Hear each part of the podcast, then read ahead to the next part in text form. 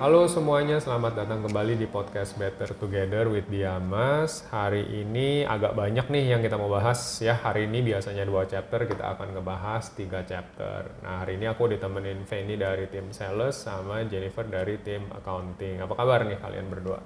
Uh, kabar baik, baik, baik, kok. Baik, oke. Uh, Fanny lagi sibuk apa Fanny kalau di tim marketing nih Fanny? Uh, tim marketing pasti sibuknya sibuknya jualan ya.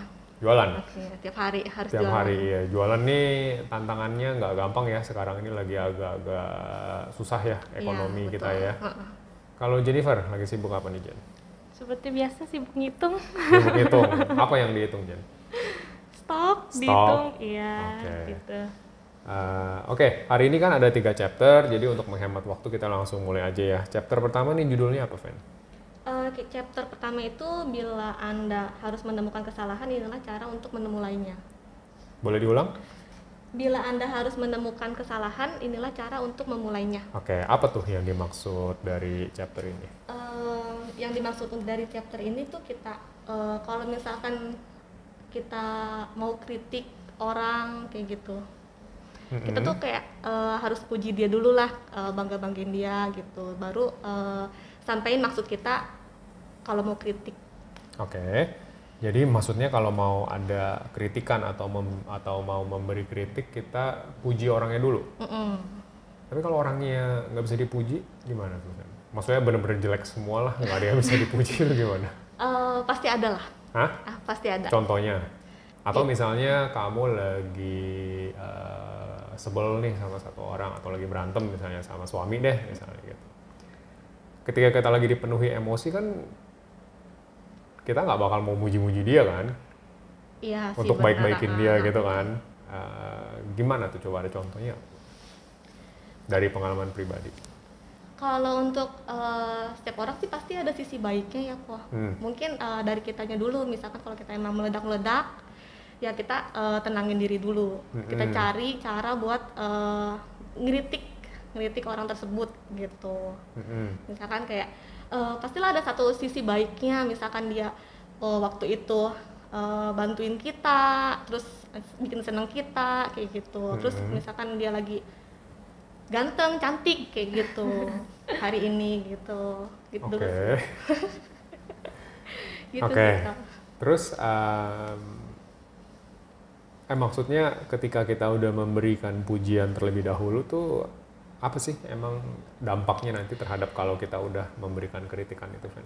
biasanya kalau orang udah denger kata pujian itu eh, akhirnya bisa dengan mudah mendengar kritikan kayak gitu misalkan Hmm. hal yang nggak enak lah di akhir gitu agak lebih mudah Kamu sendiri pernah mempraktekkan ini nggak sebelum baca buku ini? Eh, mungkin pernah ya tapi mungkin eh, nggak sadar Ah, kayak apa tuh? Ingat nggak waktu itu ketika memberikan kritikan ke orang. Kan kamu kan sebagai supervisor nih Mm-mm. punya tim eh, ada dua ya Novi sama Ayu gitu. Pernah nggak memberikan kritikan ke mereka tapi caranya dengan yang ada di buku ini? Apa ya kok aku lupa juga. Nggak ingat. nggak nggak sadar gitu. Belum sadar kali Iya, waktu belum itu sadar. oke. Ngelakuinnya tuh oh ya pernah gitu. Sesudah baca buku ini apakah akan diterapin Vin? Eh, ketika sih. menegur eh, tim kamu Iya. ataupun mungkin temen atau suami gitu bisa bisa diterapkan bisa diterapin Bisa oke nah di buku ini kan juga ada cerita ya iya ceritanya apa nih boleh diceritain ke teman-teman yang lagi dengerin kan iya di sini eh, ada satu kasus ya dari Mr. Gao dari Mhm. Wang Company itu di Philadelphia Eh, jadi si Mr. Gao ini eh, dia tuh mendapat eh, kontrak untuk membangun nah bangun gedung ya ya nggak bangun gedung Hmm. Nah, eh, ada kendala dari subkontraktornya. Itu tembaganya tidak tepat waktu datangnya. Jadi kan eh, si Mr. Gao itu agak repot ya karena dia harus bis- harus bayar denda yang mahal Hmm, kayak gitu. kalau misalnya Kalau misalkan kerjaannya telat. Ya, nggak terselesaikan. Nah, si Mr. Gao ini eh, mendatangi si subkontraktor ini eh, untuk eh, berdiskusi lah. Nah di Mhm. sana udah ny- eh, nyampe di nyampe di subkontraktornya itu eh, si Mr. Gao nggak langsung marah-marah. Nah eh, si Mr. Gao ini kan dia datang nih ke subkontraktornya untuk eh, nenangin lah nenangin si temba eh, si subkontraktornya Eh, pas udah ketemu eh, si Mr. Gaw ini muji muji si subkontraktornya Eh, kayak aku dia bilang ke si subkontraktornya itu "Eh, aku nyari nama kamu cuman ketemunya nama kamu doang loh nama kamu tuh eh, bagus dia di buku telepon Hmm, Terus zaman si- dulu masih pakai buku telepon ya. Terus si subkontraktornya itu ny- bener-bener nyari, eh, oh iya ya. Terus dia kayak pede bangga gitu sama namanya. Iya namanya emang nggak pasaran lah ibaratnya Hmm. dia bilang gitu. Terus eh, si Mister Gaunya eh, puji si pabriknya itu, ih pabriknya bersih, bagus, wah mesin-mesinnya hebat gitu. Terus si sub- subkontraktornya itu bilang. eh, iya ini mesin bikinan saya Hmm, gitu. ternyata itu mi- bikin sendiri mesinnya. iya mesinnya ya. kan bagus-bagus di situ hebat iya terus dia kan kayak bangga nih sama diri dia nah udah itu dia makan siang makan siang lah terus abis makan siang si subkontraktornya ini bilang to the point aku tahu kamu ke sini tuh mau apa Mm-mm. ya udah nanti aku akan eh, kirim tembaganya tepat waktu gitu. Hmm. Jadi eh, si Mr. Gao itu tanpa harus meminta dia tuh udah dapat apa yang dia mau gitu. Padahal belum sempat memberikan kritikan Iya. atau apa pun ya. Iya, langsung betul. disetujuin. Iya, heeh. Pernah terjadi nggak sama kamu Jen? Aku kalau aku kayak nggak pernah deh. Nggak pernah. Ini nggak pernah deh. Berarti yang aku tangkap kalau misalnya dari cerita Mr. Gao ini eh, berpeng- pujian itu berpengaruh ke kinerja kita juga Ci ya. Iya, benar. Eh, berarti kan dia berhasil tuh Jen dapetin apa yang dia mau tanpa harus mengkritik atau marah-marah sama si subkontraktornya itu ya. Betul. Tapi gimana kalau misalnya dia datang langsung marah-marah nih sama si subkontraktornya? Kira-kira apa yang terjadi tuh Jen? Eh, mungkin beda lagi ceritanya kali kok ya yang aku Hmm. tangkep karena eh, apalagi kalau misalkan kita biasa lagi tenang nih lagi tenang terus tiba-tiba ada seorang tiba-tiba datang terus marah Hmm. gitu kan pasti kan bawaannya juga mood kita jadi turun gitu jadi Hmm. jelek dan mungkin itu bisa menjadi salah satu faktor eh, kinerjanya bisa turun juga sih kok menurut aku Oke. Karena eh, aku pun suka ngalamin hal yang sama yang kayak Jennifer tadi bilang ya. Eh, mungkin aku juga harus lebih pinter ngandelin emosi aku. Di mana kadang eh, suka kesel juga nih sama tim. Misalnya ada kerjaan yang nggak sesuai harapan gitu. Itu kadang emang langsung dipengaruhin sama emosi langsung pengen kok gini sih kok gitu sih? Gitu kan. Eh, cuman nggak gampang untuk memberikan pujian di saat kita lagi eh, meluap-meluap tuh emosinya. Cuma kayak tadi Fendi bilang ya kita harus apa nenangin diri dulu ya.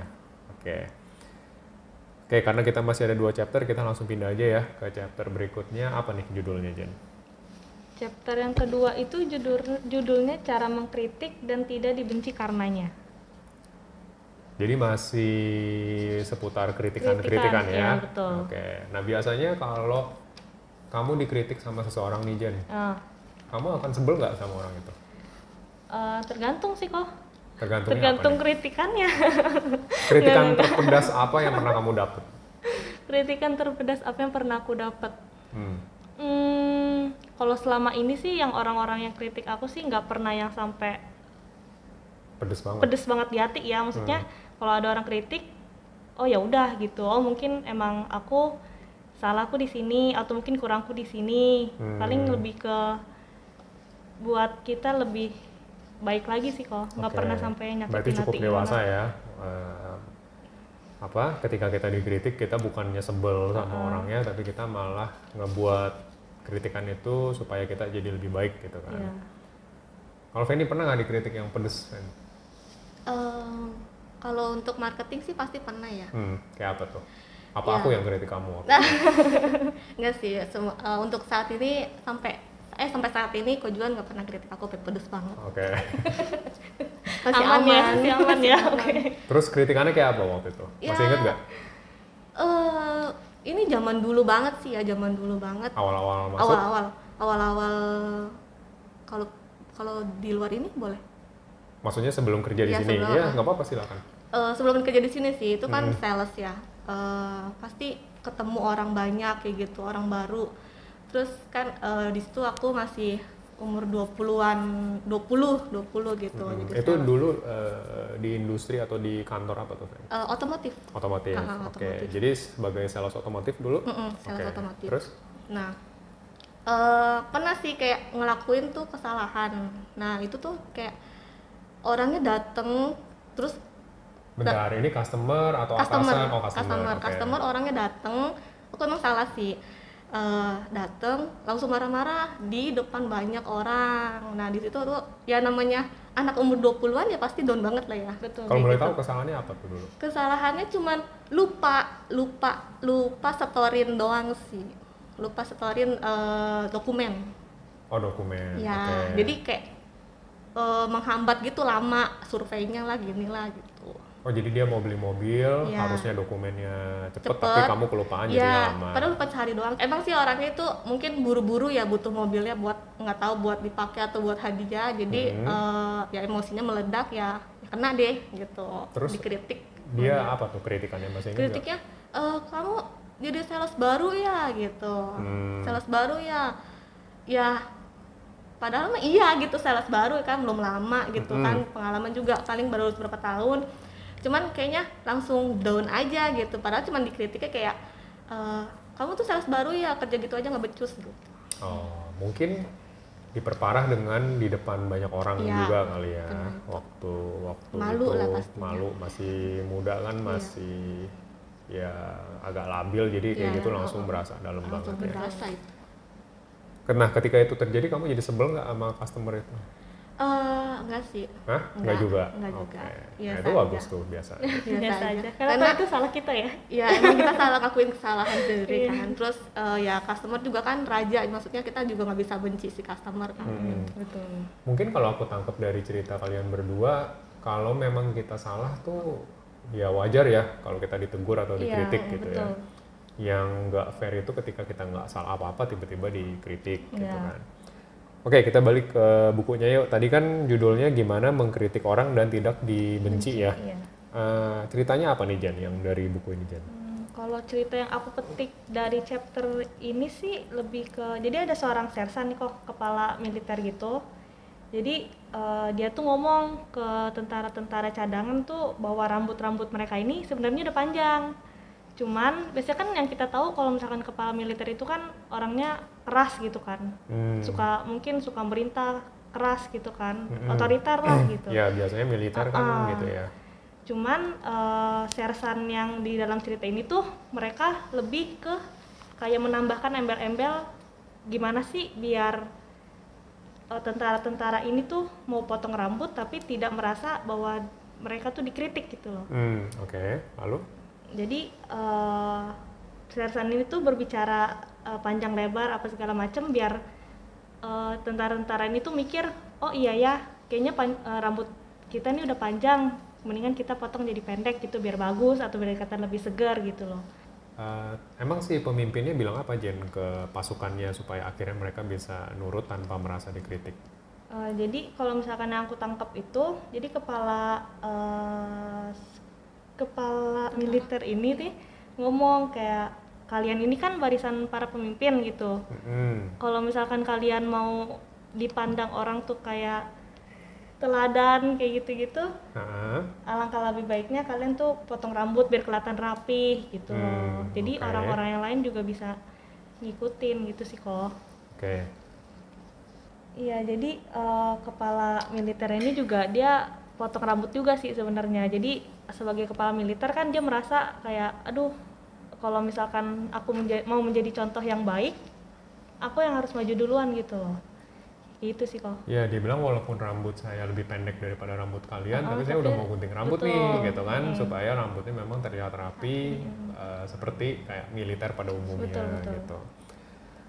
Terus dia bilang, eh, coba kalian ngaca deh, kalau misalnya kalian ngerasa habis ngaca tuh kalian butuh eh, gunting rambut, uh, nanti kita aturin waktunya supaya kalian bisa pergi ke tempat gunting rambut. Nah akhirnya kan orang-orang yang tadinya pada nggak mau gunting rambut akhirnya pada uh, gunting rambut gitu.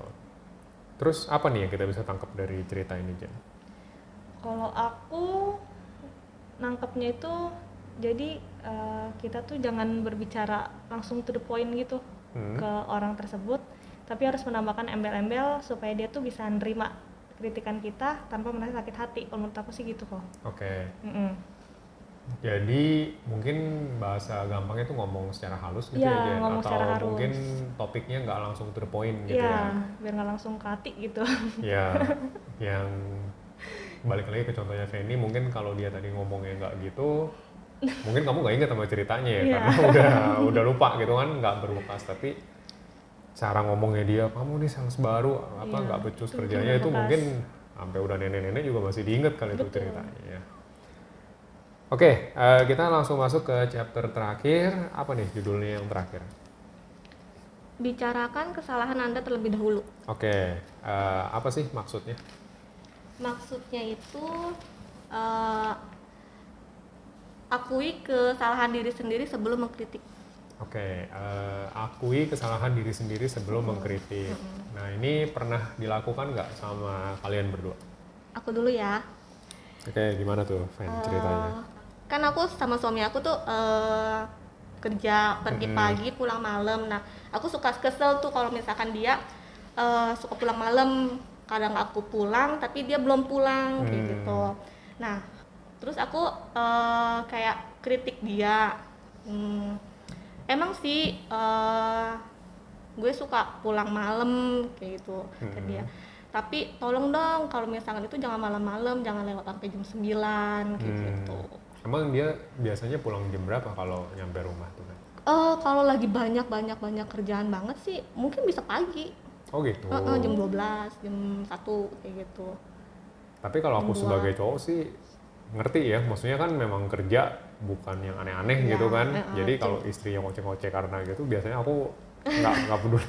Pengalaman iya iya dia juga. Soalnya kan kita beneran kerja kan. ya, sebenarnya kan di, kerja juga buat istrinya juga betul, gitu kan. ya dia juga sebenarnya nggak ngegubris aku banget gitu. banget gitu. Ya namanya kerja kok gitu kan. Uh -uh. lu kok lu marah-marah gitu. Cuman kan uh, ada ada benernya buat nasehatin dia gitu biar pulangnya nggak malam-malam gitu hampir tiap hari. Mungkin daripada mengkritik lebih baik kayak ntar kalau pulang hati-hati ya gitu. Hmm, mungkin lebih enak iya. didengarnya. Iya. dibanding udah capek kerja terus istri ngoceh-ngoceh tuh jadi double biasanya capeknya tuh. Kalau Jennifer ada gak Jen? Kalau aku ceritanya. Aku paling ini sih kok uh, jadi kan kalau di rumah itu aku sama papaku kan suka banget kopi tuh hmm. jadi kadang pagi udah minum kopi ntar siang kopi ntar malam kopi lagi gitu. Oh sehari sampai tiga kali? Iya, kadang papa kalau nggak aku tuh suka kayak gitu, apalagi kalau misalkan lagi capek. Nggak tahu ya mungkin karena emang udah kebiasaan dari dulu, jadi kadang kalau misalkan capek tuh harus minum kopi, hmm. biar maksudnya kayak segar lagi gitu. Bukan enakan kalau udah capek tuh tinggal tidur ya? Nggak bisa kalau aku sih nggak bisa ya. Jadi kalau capek bukan istirahat malah minum kopi biasanya. Iya kadang-kadang okay. maksudnya biar lebih rileks itu bisa aku minum kopi gitu kan. Oke okay, terus? Nah, terus sebenarnya kan kopi kurang bagus kan kok ya. Jadi kadang kalau tiga kali mungkin iya ya. Iya, kalau sehari sekali sih katanya masih bagus buat iya. badan. Cuman kadang tuh aku suka bilang ke papa juga sih maksudnya kan emang kopi boleh sih maksudnya minum kopi ya udah kalau mau minum pagi aja gitu loh. Mm. jangan sehari tuh sampai tiga walaupun aku juga sama ya. Kadang mm. pulang ke rumah pun pas malam jam 9 gitu masih suka nyeduh kopi gitu. Hmm, pantesan kamu itu ya, tidurnya terus ya? Itu nggak bisa tidur karena kopi. Gitu. Jadi paling suka bilang ke bapak uh, jangan suka banyak-banyak karena aku juga sebenarnya takut sih. Maksudnya papa kan juga bukan orang muda lagi kan hmm. maksudnya terus tamu bapak kan juga proaktif kan jadi ditambah minum kopi lagi kalau misalkan oh. sehari sampai tiga kan ngeri ngeri sedap juga gitu loh itu sih kok kalau perokok tuh biasanya gitu ya kurang enak kalau ngerokok nggak sampai nggak sama kopi, kopi iya. gitu ya terus tapi kalau kamu uh, kritik atau negur papa itu biasanya dia ngebalikin nggak ah kamu juga begitu Jen gitu Iya kadang sih. Gitu? Iya kadang papa suka ngomong, ih ngomongin gua, coba lu Oh. ngaca gitu. Jadi agak susah ya mengkritik orang, kitanya juga begitu ya. Iya. Jadi kita juga nggak bisa ngekritik mereka loh kok, karena kan kita juga kayak gitu gitu. Nah, berarti kalau mau mengkritik papa kamu, kamu harus ngurangin kopinya dulu. Iya, kita harus belajar dulu. Iya, Iya. harus belajar dulu lebih Baru baik ntar dulu. mengkritik nih, Pak, Jennifer aja bisa gitu kan. Kalau nggak ntar disuruh ngaca mulu kamu. Oke, eh, kita masuk ke cerita yang dari buku. Oke Jen, apa nih ceritanya yang mau diangkat dari buku? Eh, kalau cerita yang aku baca dari chapter yang ketiga ini, jadi eh, awal mulanya, yes awal mulanya. jadi ada seorang laki-laki, eh, dia tuh um- umurnya baru 15 tahun tapi dia udah ngerokok, Oke, ya kan? ikut-ikut temennya tuh biasanya. Iya biasanya pergaulannya lah gitu kan, Oh, udah salah ngerokok. pergaulan. Uh, uh, Oke, umur 15 terus? tahun. Terus eh, orang tuanya ini ngerokok juga gitu loh. Dua-duanya. Dua-duanya ayah dan Oke. ibunya juga ngerokok nih. Jadi eh, guru gurunya ini ngomong gitu ke orang tuanya, kok nggak ngelarang sih putra kalian tuh buat nggak ngerokok? Hmm. Kenapa gitu kan? Mhm. Nah ayahnya ini nggak bisa ngemarahin karena ya dia sendiri pun juga ngerokok gitu begitu juga dengan istrinya kan. Berarti mirip-mirip cerita kamu tadi nih ya. Iya. Nah, terus?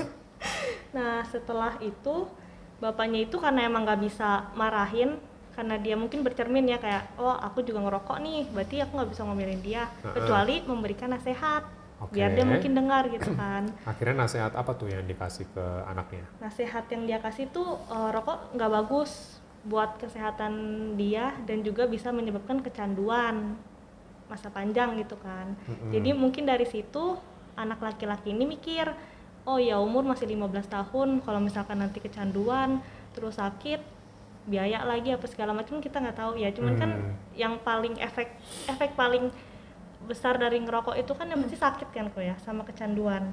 Itu jadi mulai dari situ sampai setelah dia lulus dia penting rokok begitu Hmm. pula dengan ayah dan ibunya dengan yang pastinya dengan dukungan keluarga mereka gitu kok yang aku tangkap Oke, jadi eh, gimana ya? Maksudnya dia nggak ngekritik anaknya atau ngomelin anaknya, tapi dia memberikan nasihat supaya anaknya tuh bisa berpikir gitu. Maksudnya Jen, kalau misalnya dia merokok, kecanduan seumur hidup itu akan banyak penyakit, terus Iya. nanti biaya juga gede gitu betul ya.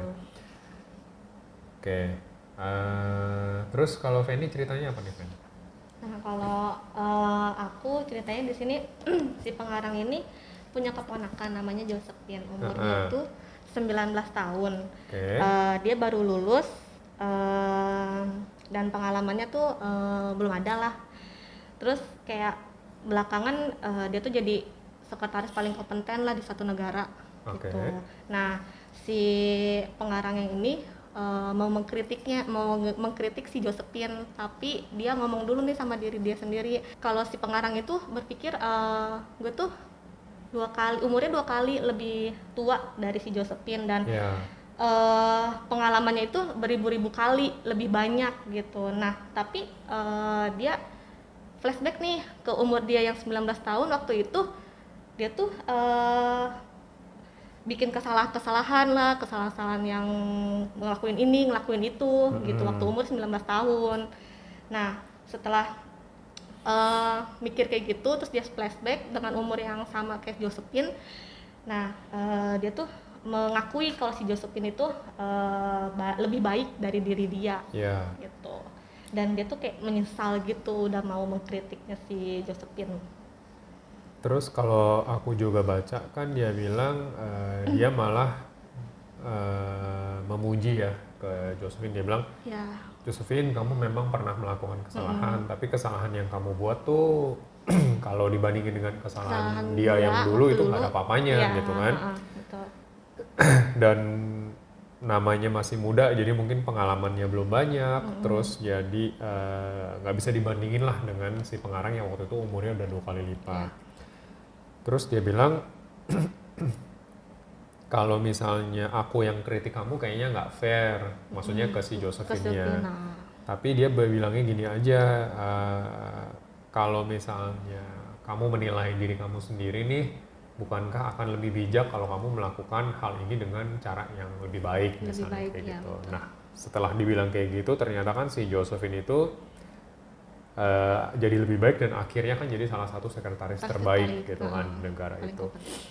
Nah, eh, ini juga mungkin bisa buat teman-teman yang ngedengerin nih yang mungkin mau mengkritik timnya atau mungkin eh, juniornya gitu ya. Iya, kita nggak bisa langsung mengkritik menggunakan standar dari diri kita sendiri iya, gitu. Tentunya kita harus ngedorong tim supaya mereka mau jadi lebih baik. Bukannya berarti sama sekali, oh ya udah deh dia salah nggak apa-apa, dia salah nggak apa-apa. Tapi kita juga harus mendorong. Tapi mungkin standar yang kita harapkan itu nggak bisa langsung sama dengan apa yang biasa kita kerjakan melalui proses lah ya semuanya ya. Oke, eh, kita udah bahas tiga chapter nih hari ini. Ada yang mau ditambahin nggak, Fen? Eh, Sebelum kita tutup nih, belum sih. nggak ada. Jennifer? Kalau aku, kalau dari aku mungkin mengkritik boleh, tapi jangan sampai melukai perasaan orang lain kali kok. Oke, Eh, bisa kasih contoh nggak mengkritik yang melukai perasaan tuh kayak gimana?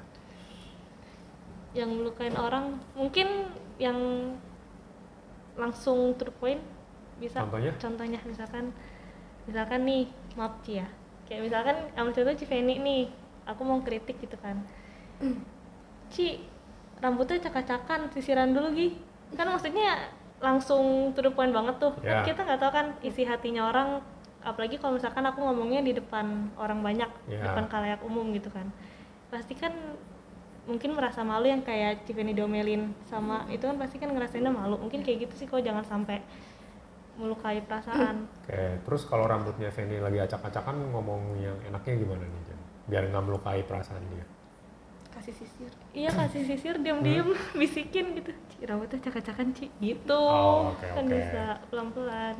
Tanpa harus menyakiti atau menyinggung perasaan orang Iya. lain ya. Oke, thank you Jen. Mm-mm. Oke, kalau gitu aku uh, rekap sedikit. Tadi kita udah bahas chapter pertama itu kalau mau mengkritik berikanlah pujian dulu ya, Feni ya. Ya. Terus chapter kedua itu gimana kita kalau mau mengkritik tuh nggak direct langsung gitu ya Jen, Iya, tapi kita mungkin bisa apa, gunakan bahasa yang halus ataupun gunakan contoh yang lain yang nyambung sama kritikan kita. Dan yang terakhir mungkin bisa menggunakan kesalahan kita sendiri eh, untuk apa sebelum mengkritik orang lain. Ya betul. Oke? Oke, gitu aja dari kita bertiga untuk uh, episode kali ini. Kita harap obrolan santai ini bisa menginspirasi teman-teman yang dengerin. Terus kita juga bakal bukunya tinggal dikit lagi ya. Ya, abis ini harapannya bisa ganti buku baru lagi. Oke, itu aja dari kita bertiga. Sampai ketemu lagi di episode berikutnya. Thank you semua yang udah dengerin. Bye bye. Dadah. Dah. Bye.